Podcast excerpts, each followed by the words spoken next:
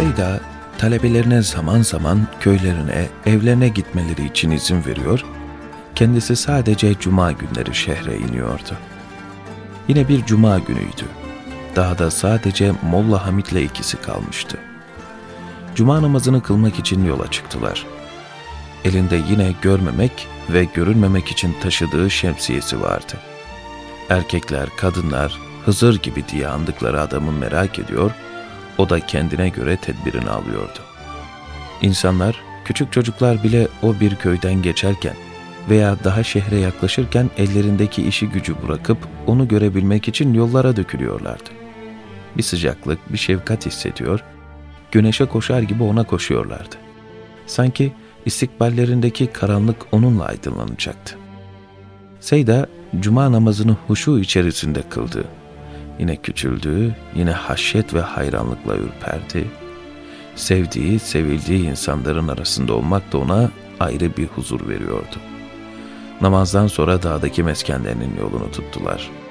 O önde, mehip, mütevekkil Molla Hamit birkaç adım arkasındaydı.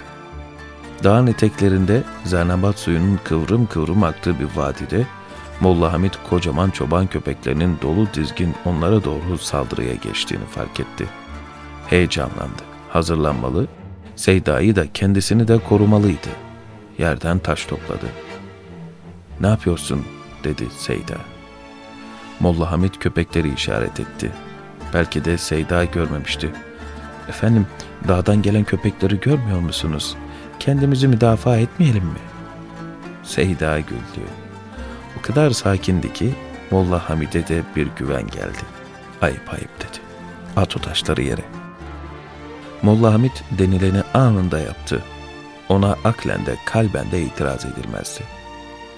Köpekler süratle yaklaşıyor, Molla Hamid artık tam bir tevekkülle bekliyor, olacakları merak ediyordu. Artık köpekler dişlerini görebilecekleri kadar yakınlarındaydı. Seyda şemsiyesini kaldırdı, onlara doğru uzattı. Biz hain değiliz, yolcuyuz dedi. Molla Hamit gözlerine inanamadı. Sanki anlamış, belki de yaptıklarından utanmışlardı.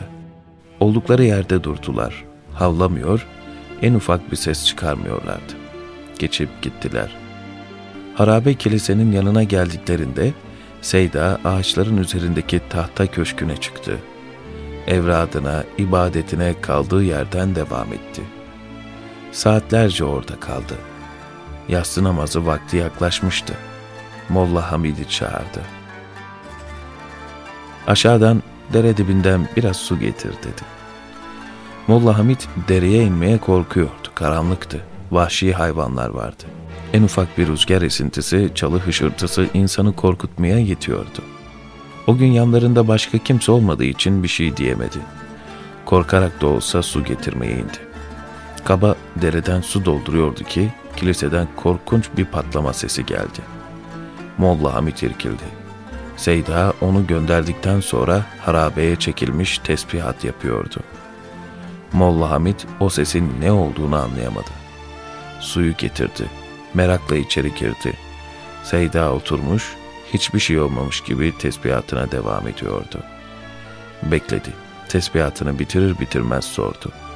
Hala heyecanlı, hala telaşlıydı. Seyda, o, o ses neydi? Seyda, ne sesi dedi. Molla Hamid'in şaşkınlığı bir kat daha arttı. Böyle büyük bir patlamayı duymamış olamazdı. N- nasıl ne sesi? O top sesi gibi sesi duymadınız mı? Seyda sükut etti. Molla Hamit anladı. Artık ısrar fayda vermeyecekti. Bu olağan bir şey değildi.